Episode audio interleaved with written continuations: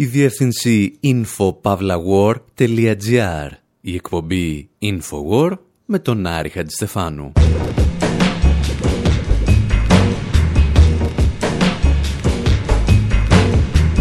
όπου σήμερα ακούμε μαζί σας blues διασκευές από το τελευταίο άλμπουμ των Rolling Stones. Και επειδή σχεδόν σε όλες τις περιπτώσεις μας αρέσει περισσότερο το πρωτότυπο κομμάτι, αναζητούμε τις ρίζες του, κάπου ανάμεσα στα δέλτα του Μισισιπή και στο Σικάγο. Αναρωτιόμαστε γιατί κάποια από τα ενδάλματα των Rolling Stones αρνήθηκαν να καταταγούν στον Αμερικανικό στρατό στο Δεύτερο Παγκόσμιο Πόλεμο. Και γιατί κάποιοι από αυτούς που φόρεσαν τελικά το χακί τους έδιωξαν κακήν κακός από το στρατό. Συζητάμε για ανθρώπους που άλλαξαν την πορεία της αμερικανικής μουσικής, ξεκινώντας με ένα μπάσο που αποτελούνταν από ένα κονσερβοκούτι και μία χορδή.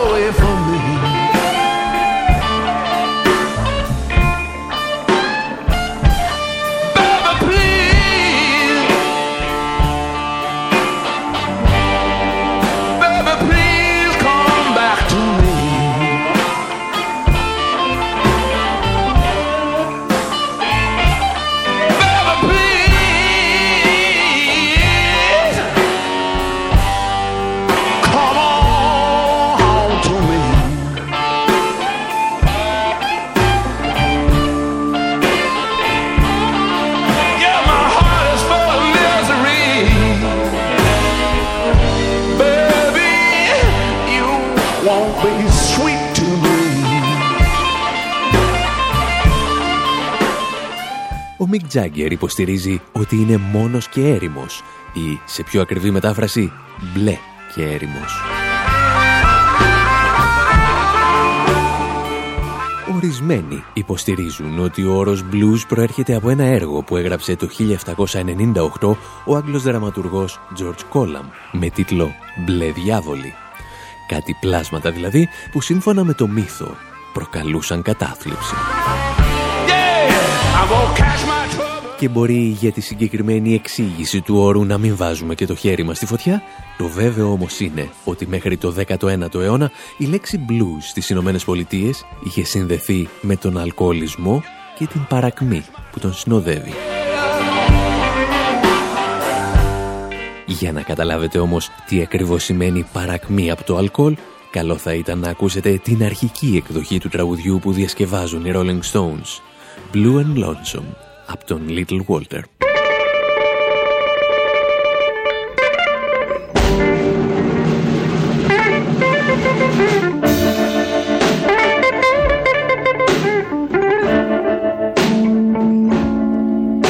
I'm blue and lonesome as a man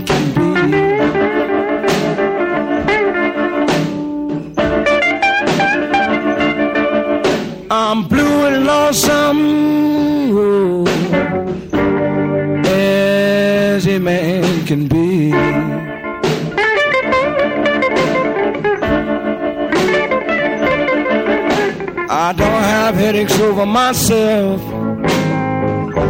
My love is gone away from me.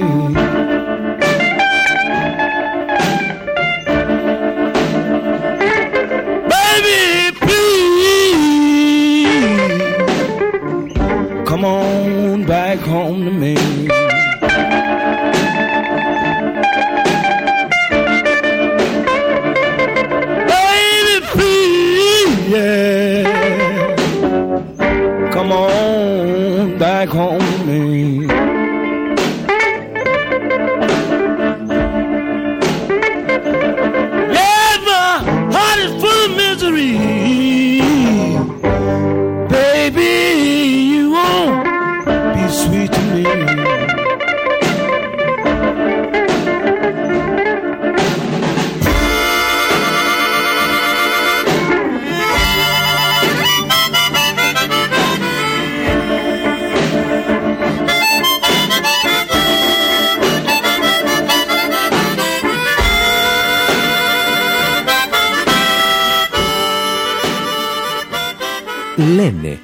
ο Little Walter έκανε με τη φυσαρμόνικα ότι ο Jimi Hendrix με την ηλεκτρική κιθάρα. Έπαιξε μαζί της όπως δεν το είχε κάνει κανένας άλλος στο παρελθόν. Και έτσι άλλαξε τον τρόπο με τον οποίο οι απόγονοί του αντιλαμβάνονταν τη μουσική. Ο Little Walter γεννήθηκε Marion Walter Jacobs στο Marksville της Λουιζιάννα. Ήταν η περιοχή, αν θυμάστε, που κατέληξε και ο ήρωας της ταινίας «12 χρόνια σκλάβος», η οποία ταινία καθόλου δεν μας άρεσε. Ο δικός μας ήρωας πάντως κάπου στα 10 με 12 χρόνια του αφήνει το σχολείο και πιάνει χαμαλοδουλειές σε γειτονικές πόλεις μέχρι τη στιγμή που ο δρόμος του τον φέρνει στο Σικάγο και εκεί γράφει τραγούδια σαν το Hate to See You Go που διασκευάζουν μισό και κάτι αιώνα αργότερα οι Rolling Stones.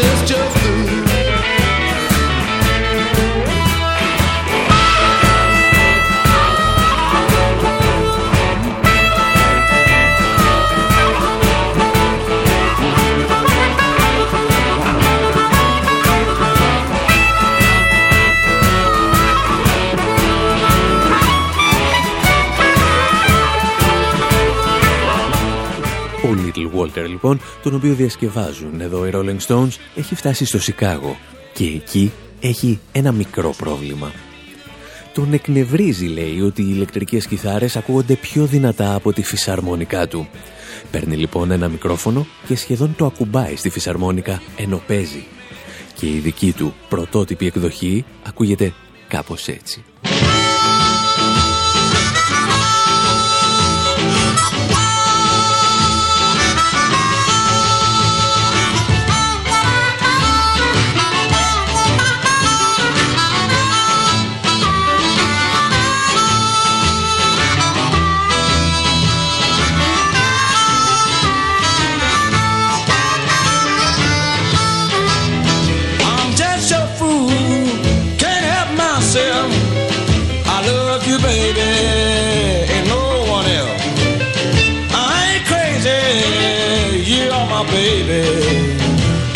just your fool. I'm just your fool. I must confess, still love you, baby. And take your man. I ain't lying. No use of jiving. I'm just your fool.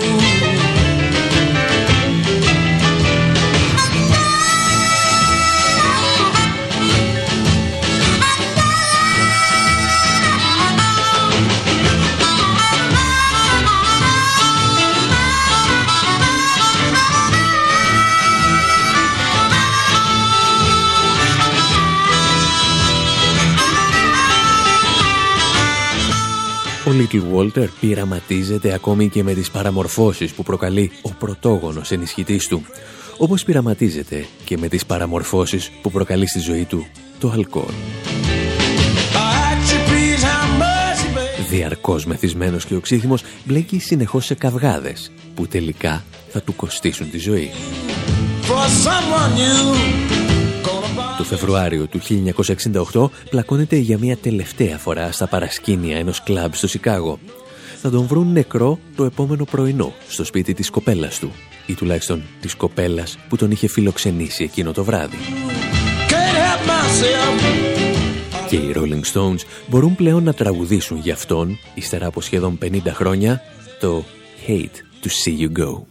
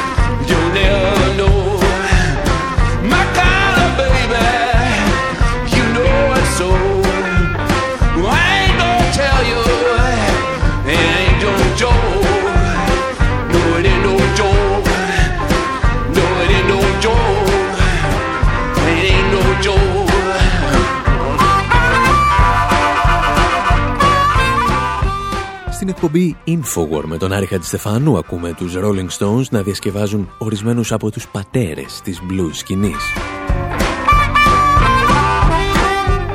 Για να συνεχίσουμε όμως θα πρέπει να ξαναπιάσουμε τα πράγματα από την αρχή. Ακούσαμε τον Little Walter να περνά από τις περιοχές των σκλάβων στην πόλη των Ανέμων, το Σικάγο. Είμαστε έτοιμοι να παρακολουθήσουμε την μετάλλαξη των blues από μουσική του Αμερικανικού Νότου σε μουσική των αστικών κέντρων. Για να κατανοήσουμε όμως την αλλαγή, πρέπει να κατανοήσουμε και τα στοιχεία που αρχικά δημιούργησαν το ρυθμό των blues. Να ακούσουμε και πάλι τις ιστορίες για τα τραγούδια εργασίας των σκλάβων, αλλά και για το περίφημο Call and Response. baby, when I ride. Lord, mama, well, it's early in the morning, early morning, baby, when I ride. Well, well, it's early in the morning, in the morning, baby, when I ride. Lord, baby, you have a life, you have a around my right side. Well, around my right side, Lord, baby.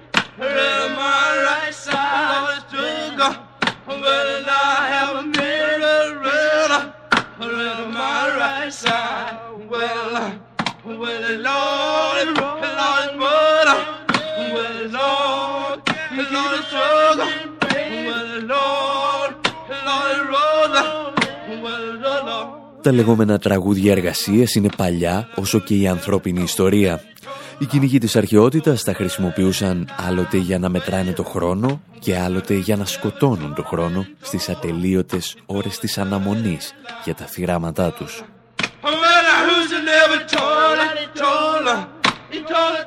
Εμείς σήμερα όμως είπαμε να ασχοληθούμε με τα τραγούδια των καλλιεργητών, γιατί από εκεί θα ξεπηδήσει η λεγόμενη μουσική των σκλάβων. Και αφού στις χώρες μας χρησιμοποιούμε πλέον τόσο συχνά απλήρωτη εργασία, σε αυτό που παλαιότερα αποκαλούσαμε πρωταρχική συσσόρευση κεφαλαίου, ας ξέρουμε τουλάχιστον και τη μουσική που δημιούργησαν κάποιοι συνάδελφοι των σκλάβων σε άλλες γωνιές του πλανήτη.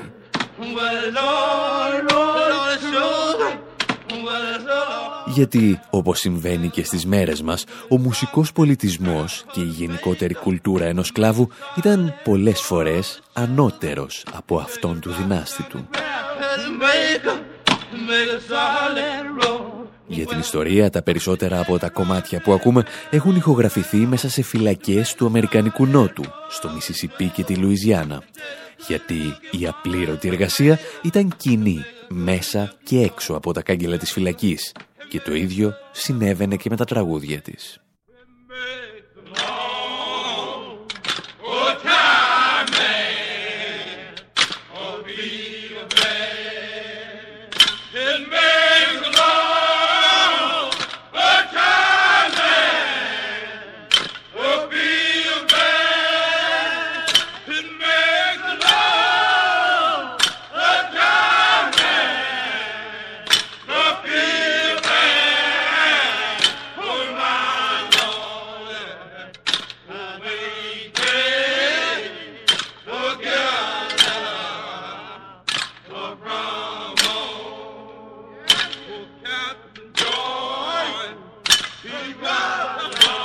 Κύριο χαρακτηριστικό των τραγουδιών στις αγροτικές καλλιέργειες είναι ότι έπρεπε να είναι ρυθμικά και ακαπέλα.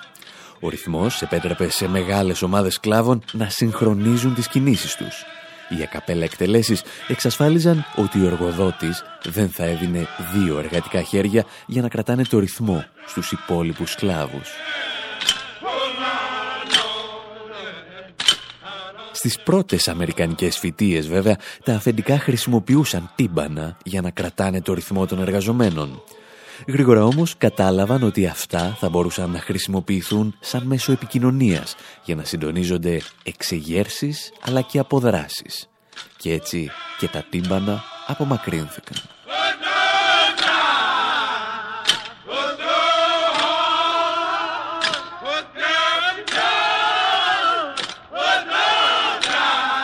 Στη μουσική των φοιτιών, ο επικεφαλής τραγουδιστής καλείται κάθε φορά να αυτοσχεδιάσει και πολλές φορές ο αυτοσχεδιασμός οδηγεί σε ένα δερμή κατηγορό απέναντι στα αφεντικά. Άλλες φορές όμως περιλαμβάνει τις λεπτομέρειες κάποιου σχεδίου απόδρασης.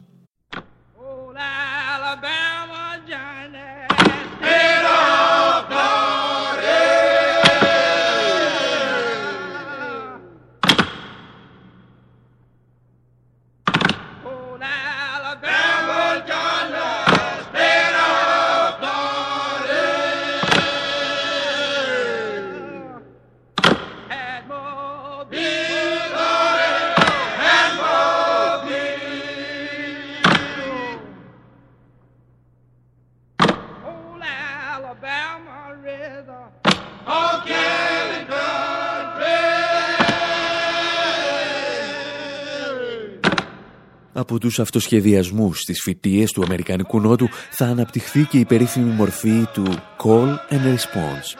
Ένας κλάβος κάνει μία μουσική και στιχουργική ερώτηση και οι υπόλοιποι απαντούν. Όπως εδώ, στο Old Alabama. Το call and response, όπως άλλωστε και όλη η μουσική των φοιτιών, έχει τις ρίζες της στη μουσική παράδοση της Αφρικής που φέρνουν μαζί τους οι σκλάβοι. Στην Αμερική όμως θα αναπτυχθεί μαζί με τον εκχριστιανισμό των δούλων για να καταλήξει αργότερα στα gospel αλλά και τα blues.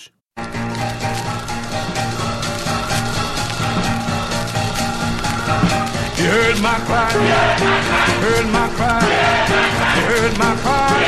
You heard my cry.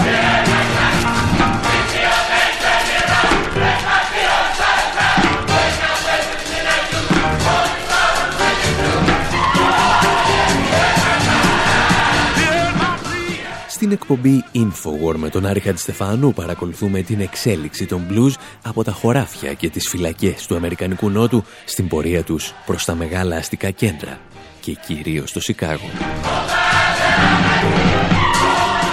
Στο δεύτερο μέρος θα μιλήσουμε για στρατιώτες που λιποτάκτησαν και απόγονους σκλάβους που θριάμβευσαν. Θα παρακολουθήσουμε εκείνη τη λευκή γραμμή του Δευτέρου Παγκοσμίου Πολέμου που θα κόψει το νήμα των blues από τα τραγούδια εργασίας σε κάτι ποιοτικά διαφορετικό. Εσείς δηλαδή μένετε εδώ και θυμάστε πάντα ότι οι ιστορίες σαν και αυτές για τα blues και άλλα είδη μουσικής θα βρίσκεται πάντα στη σελίδα μας info.pavlawar.gr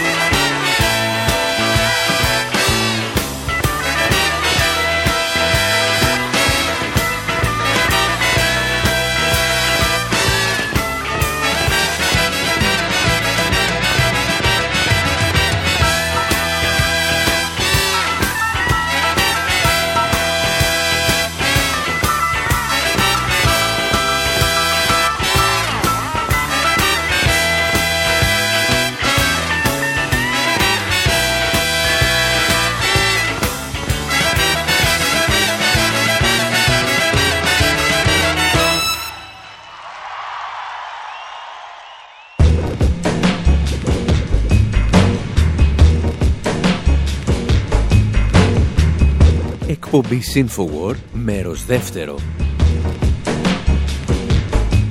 Όπου με αφορμή την τελευταία δουλειά των Rolling Stones, πιάσαμε την ιστορία των blues. Ξεκινήσαμε από τα χωράφια των μαύρων σκλάβων, αλλά και των φυλακών και περάσαμε από το Μισισιπί στο Σικάγο. Και έχει έρθει η στιγμή να μιλήσουμε για τους ανθρώπους που άλλαξαν για πάντα την μουσική ιστορία των Ηνωμένων Πολιτειών και ολόκληρου του πλανήτη. Πάντα με αφορμή μια διασκευή των Rolling Stones, όπως εδώ που ο Mick Jagger πιάνει στο στόμα του ένα τραγούδι του Willie Dixon. I can't quit you baby.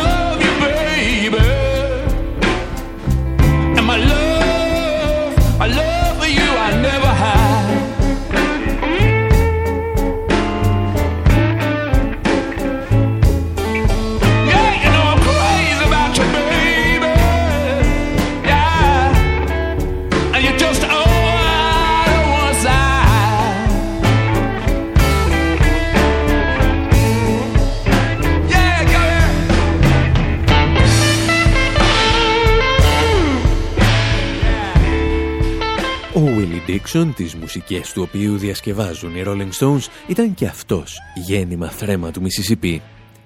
Η πόλη στην οποία μεγάλωσε μάλιστα, το Vicksburg, ήταν ένα από τα προπύργια της Ku Klux Klan, αλλά και αρκετών ακόμη ρατσιστικών παρακρατικών οργανώσεων. Σε αυτές τις δύσκολες περιοχές, ο Τίξον άρχισε να μαθαίνει μουσική συνδύαζε τους γκόσπελ ήχους των εκκλησιών με τα καθαρό αίμα blues που έμαθε όταν πέρασε για μερικά χρόνια στη φυλακή. Και η δική του εκδοχή στο τραγούδι που ακούσαμε από τους Rolling Stones ακουγόταν κάπως έτσι.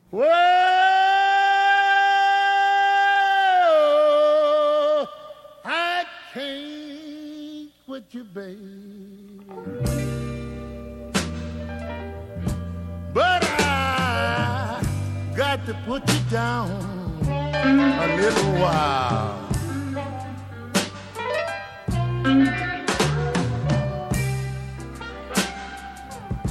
Whoa,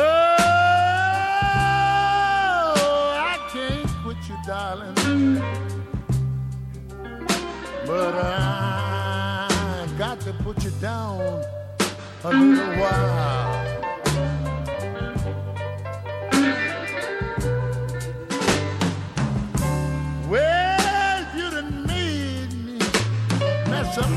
Happy home.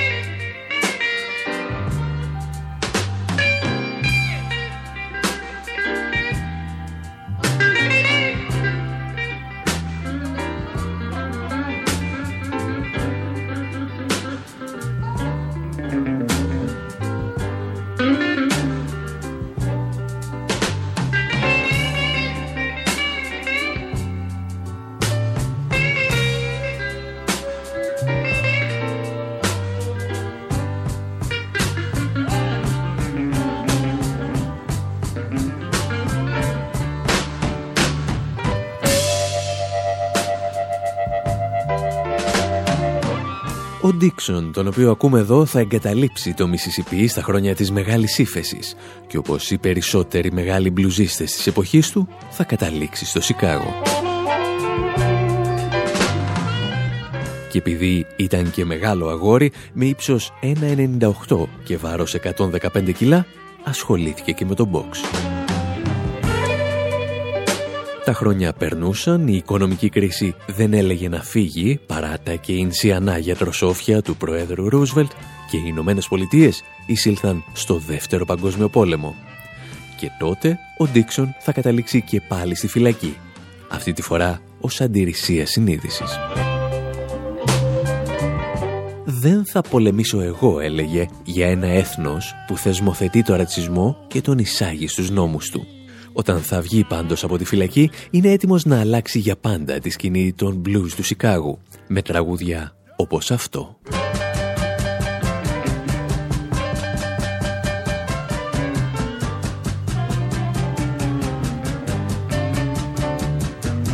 Gypsy woman told my mama before I was born, you got a boy child coming, gonna be a son of a gun. Gonna make these pretty women jump and shout. And the world wanna know what it's all about. You know I'm here.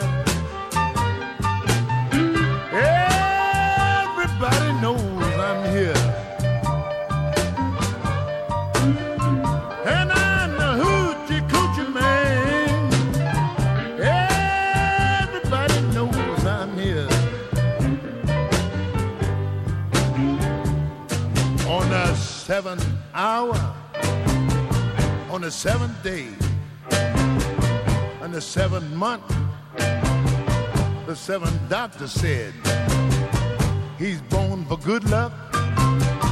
And I know you see, got seven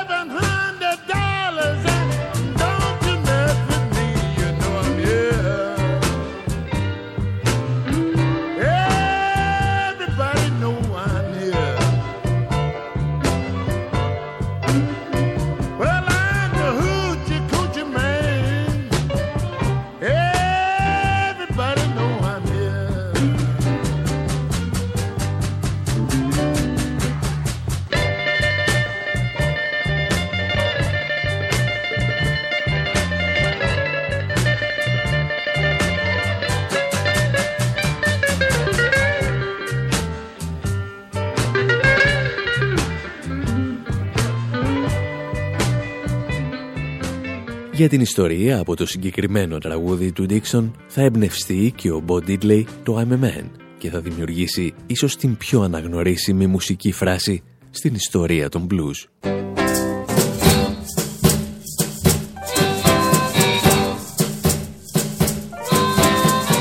Now, when I was a little boy, at the age of five, I had something in my pocket. Keep a lot of folks alive. Now I'm a man, May 21. You know, baby, we can have a lot of fun. I'm a man. I spell M A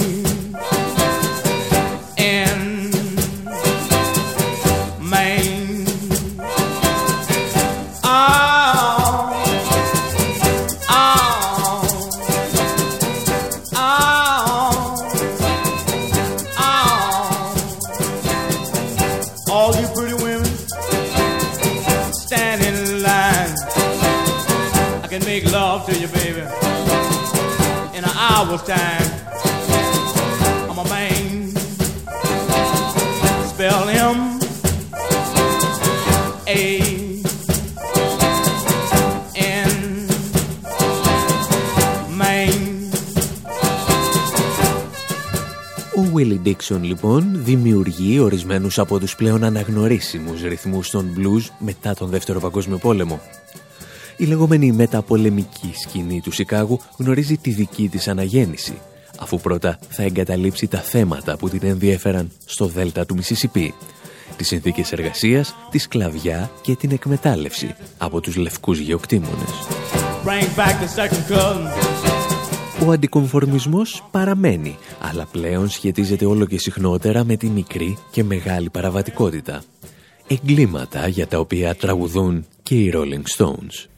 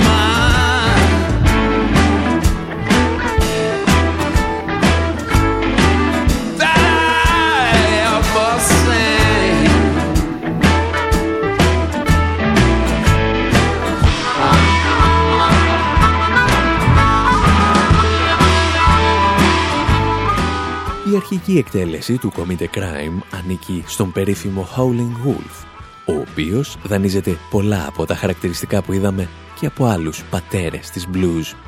Κατάγεται και αυτός από το Mississippi, είναι γιγαντόσωμος και ζυγίζει περίπου 120 κιλά. Ο Howling Wolf, δηλαδή ο ουρλιάζων λύκος, είχε την ατυχία να βαφτιστεί Chester Arthur, προς τιμήν του 21ου Προέδρου των Ηνωμένων Πολιτειών. Απόδειξη ότι το να δίνεις στα παιδιά σου ονόματα ανθρώπων που υποτίθεται ότι θαυμάζεις, ενώ στην πραγματικότητα δεν έχεις καμία σχέση μαζί τους, δεν σημαίνει απολύτως τίποτα. Ευτυχώς για το δικό μας ήρωα πάντως, ο παππούς του του έλεγε ιστορίες για λύκους που ουρλιάζουν και το παιδί απέκτησε ένα φυσιολογικό όνομα, όπως το ουρλιάζον λύκος. Και αυτός ο λύκος ακουγόταν ως εξής.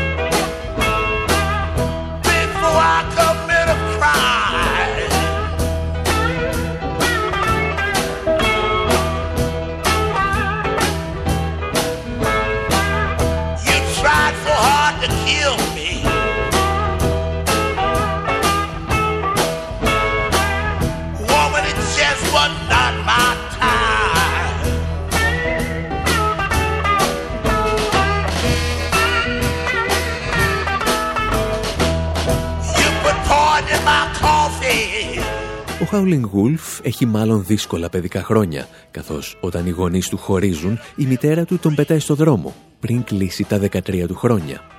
Αρνείται, λέει, να δουλέψει στα χωράφια. Και αυτός, ύστερα από διάφορες περιπέτειες, λέγεται ότι περπάτησε 140 χιλιόμετρα με τα πόδια για να βρει τον πατέρα του.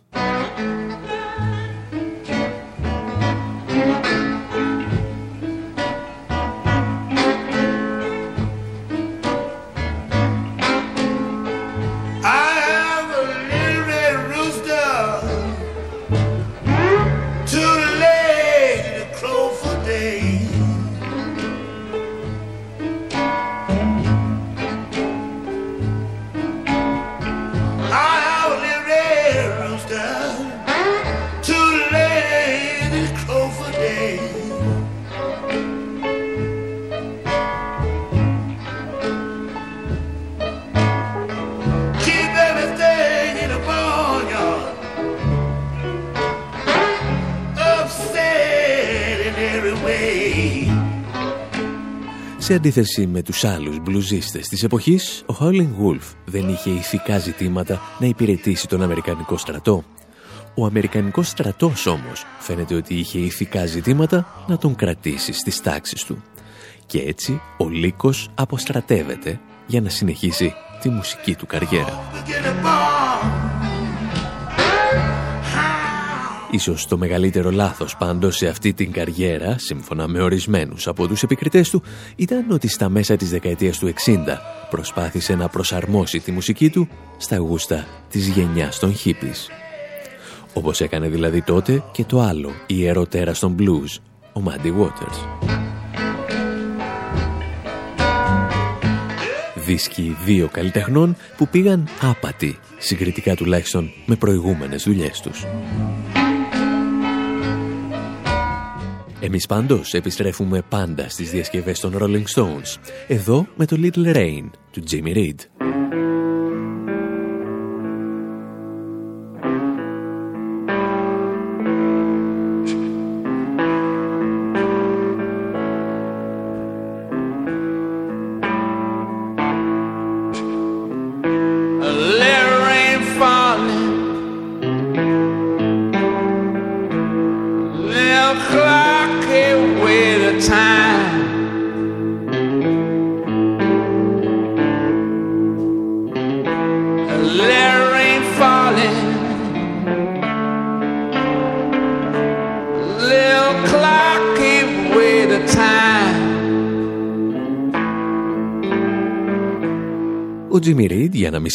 Σας κουράζουμε με τα ίδια, γεννήθηκε και αυτός στο Δέλτα του Μισισιπί και έφτασε στο Σικάγο το 1943. Το βασικό του χαρακτηριστικό ήταν ο αλκοολισμός, ο οποίος τον εμπόδιζε να θυμάται ακόμη και τους στίχους των τραγουδιών του. Γι' αυτό είχε πάντα μαζί του και τη γυναίκα του, που του σφύριζε ό,τι ξεχνούσε. little rain falling, a little cloud keep away in time. A little rain falling,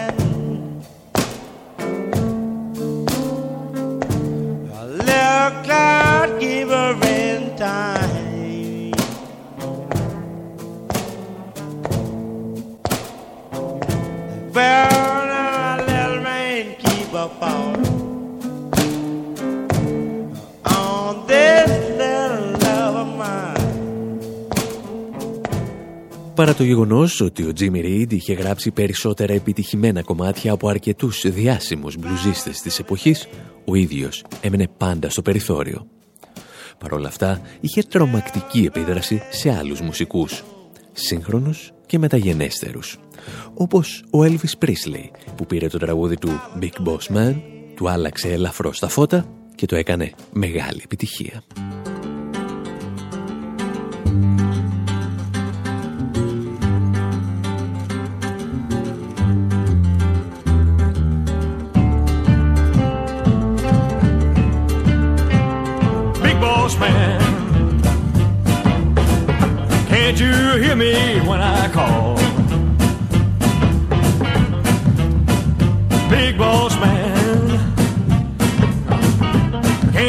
Hear me when I call?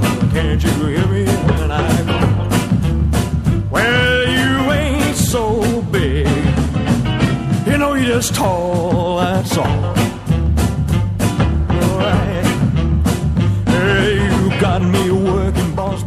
Ο Elvis Presley περιλαμβάνεται σε μια τεράστια λίστα μουσικών που διασκεύασαν τον Jimmy Reed, μεταξύ των οποίων οι Animals, οι Grateful Dead, ο Van Morrison και ο Bill Cosby.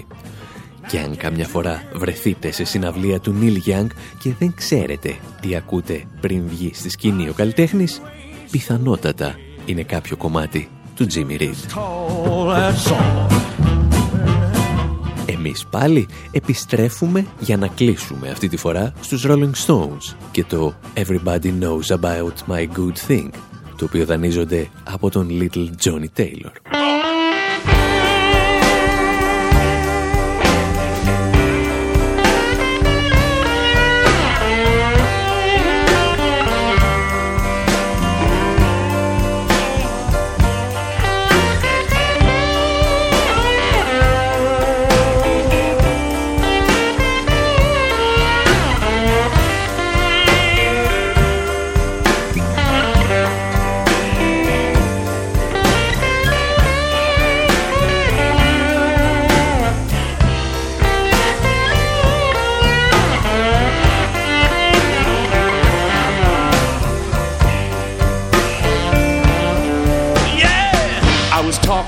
The postman.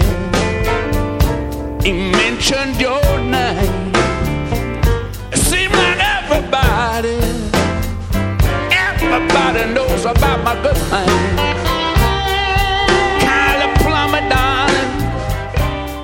Με το Everybody Knows About My Good Thing, οι Rolling Stones μας φέρνουν στον 21ο αιώνα, αφού ο Little Johnny Taylor, από τον οποίο το δανείστηκαν, τραγουδούσε μέχρι και τα τέλη της δεκαετίας του 90. Συγκεκριμένα, πέθανε το 2002.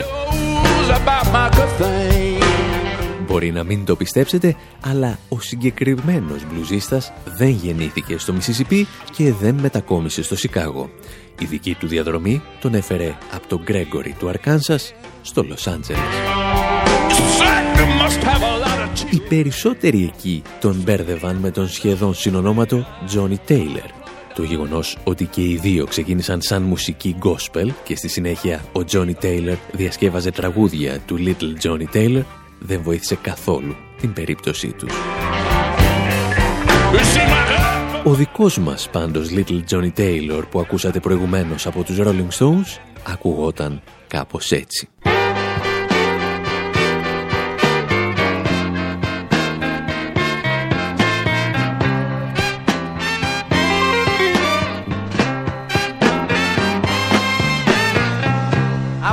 To the postman and he mentioned your name.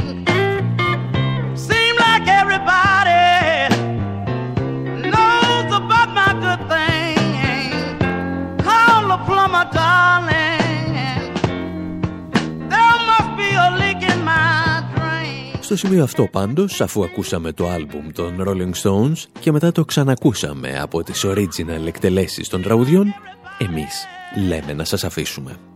Να θυμάστε πάντα ότι στη διεύθυνση infopavlaword.gr θα βρίσκεται πολλές τέτοιες ιστορίες, κείμενα και ντοκιμαντέρ. Μέχρι την επόμενη εβδομάδα, από τον Άρη Χατζηστεφάνου στο μικρόφωνο και τον Δημήτρη Σαδόπουλο στην τεχνική επιμέλεια, γεια σας και χαρά σας. What's this I hear? There's a whole lot of talk. The people say they try to put the kid. Yeah, yeah. Tell me what you did. You can call it what you want, I call it messing with the kid.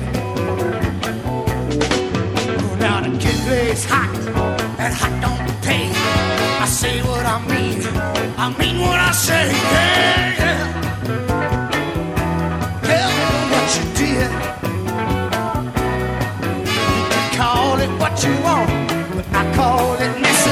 天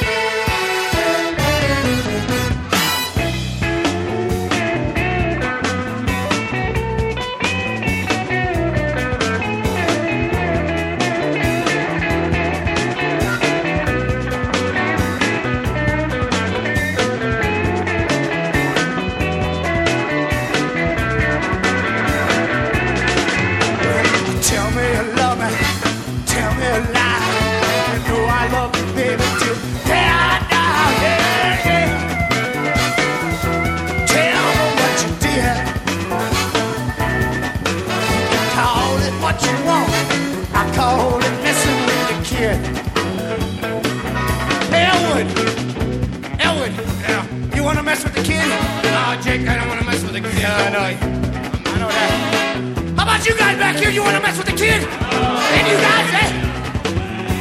How about you people out there? You want to mess with the kid?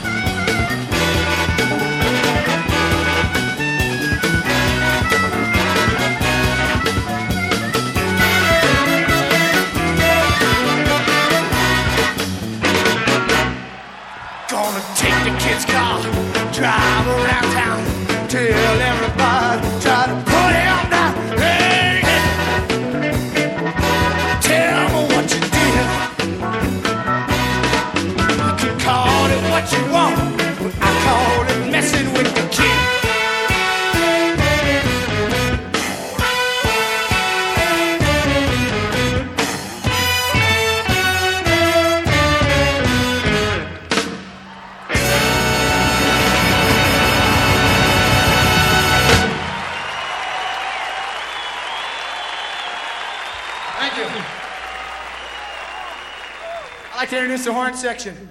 On the uh, saxophone, Tom Scott from the LA Express. Tom Scott. On sax, a good friend from New York City, also from Texas, Mr. Tom Bones Malone. Tom Malone. And also from New York City, Mr. Fabulous himself, Alan Rubin. Come on! Alan Rubin! And on sax, Lulu Lou Marini. Lou Marini.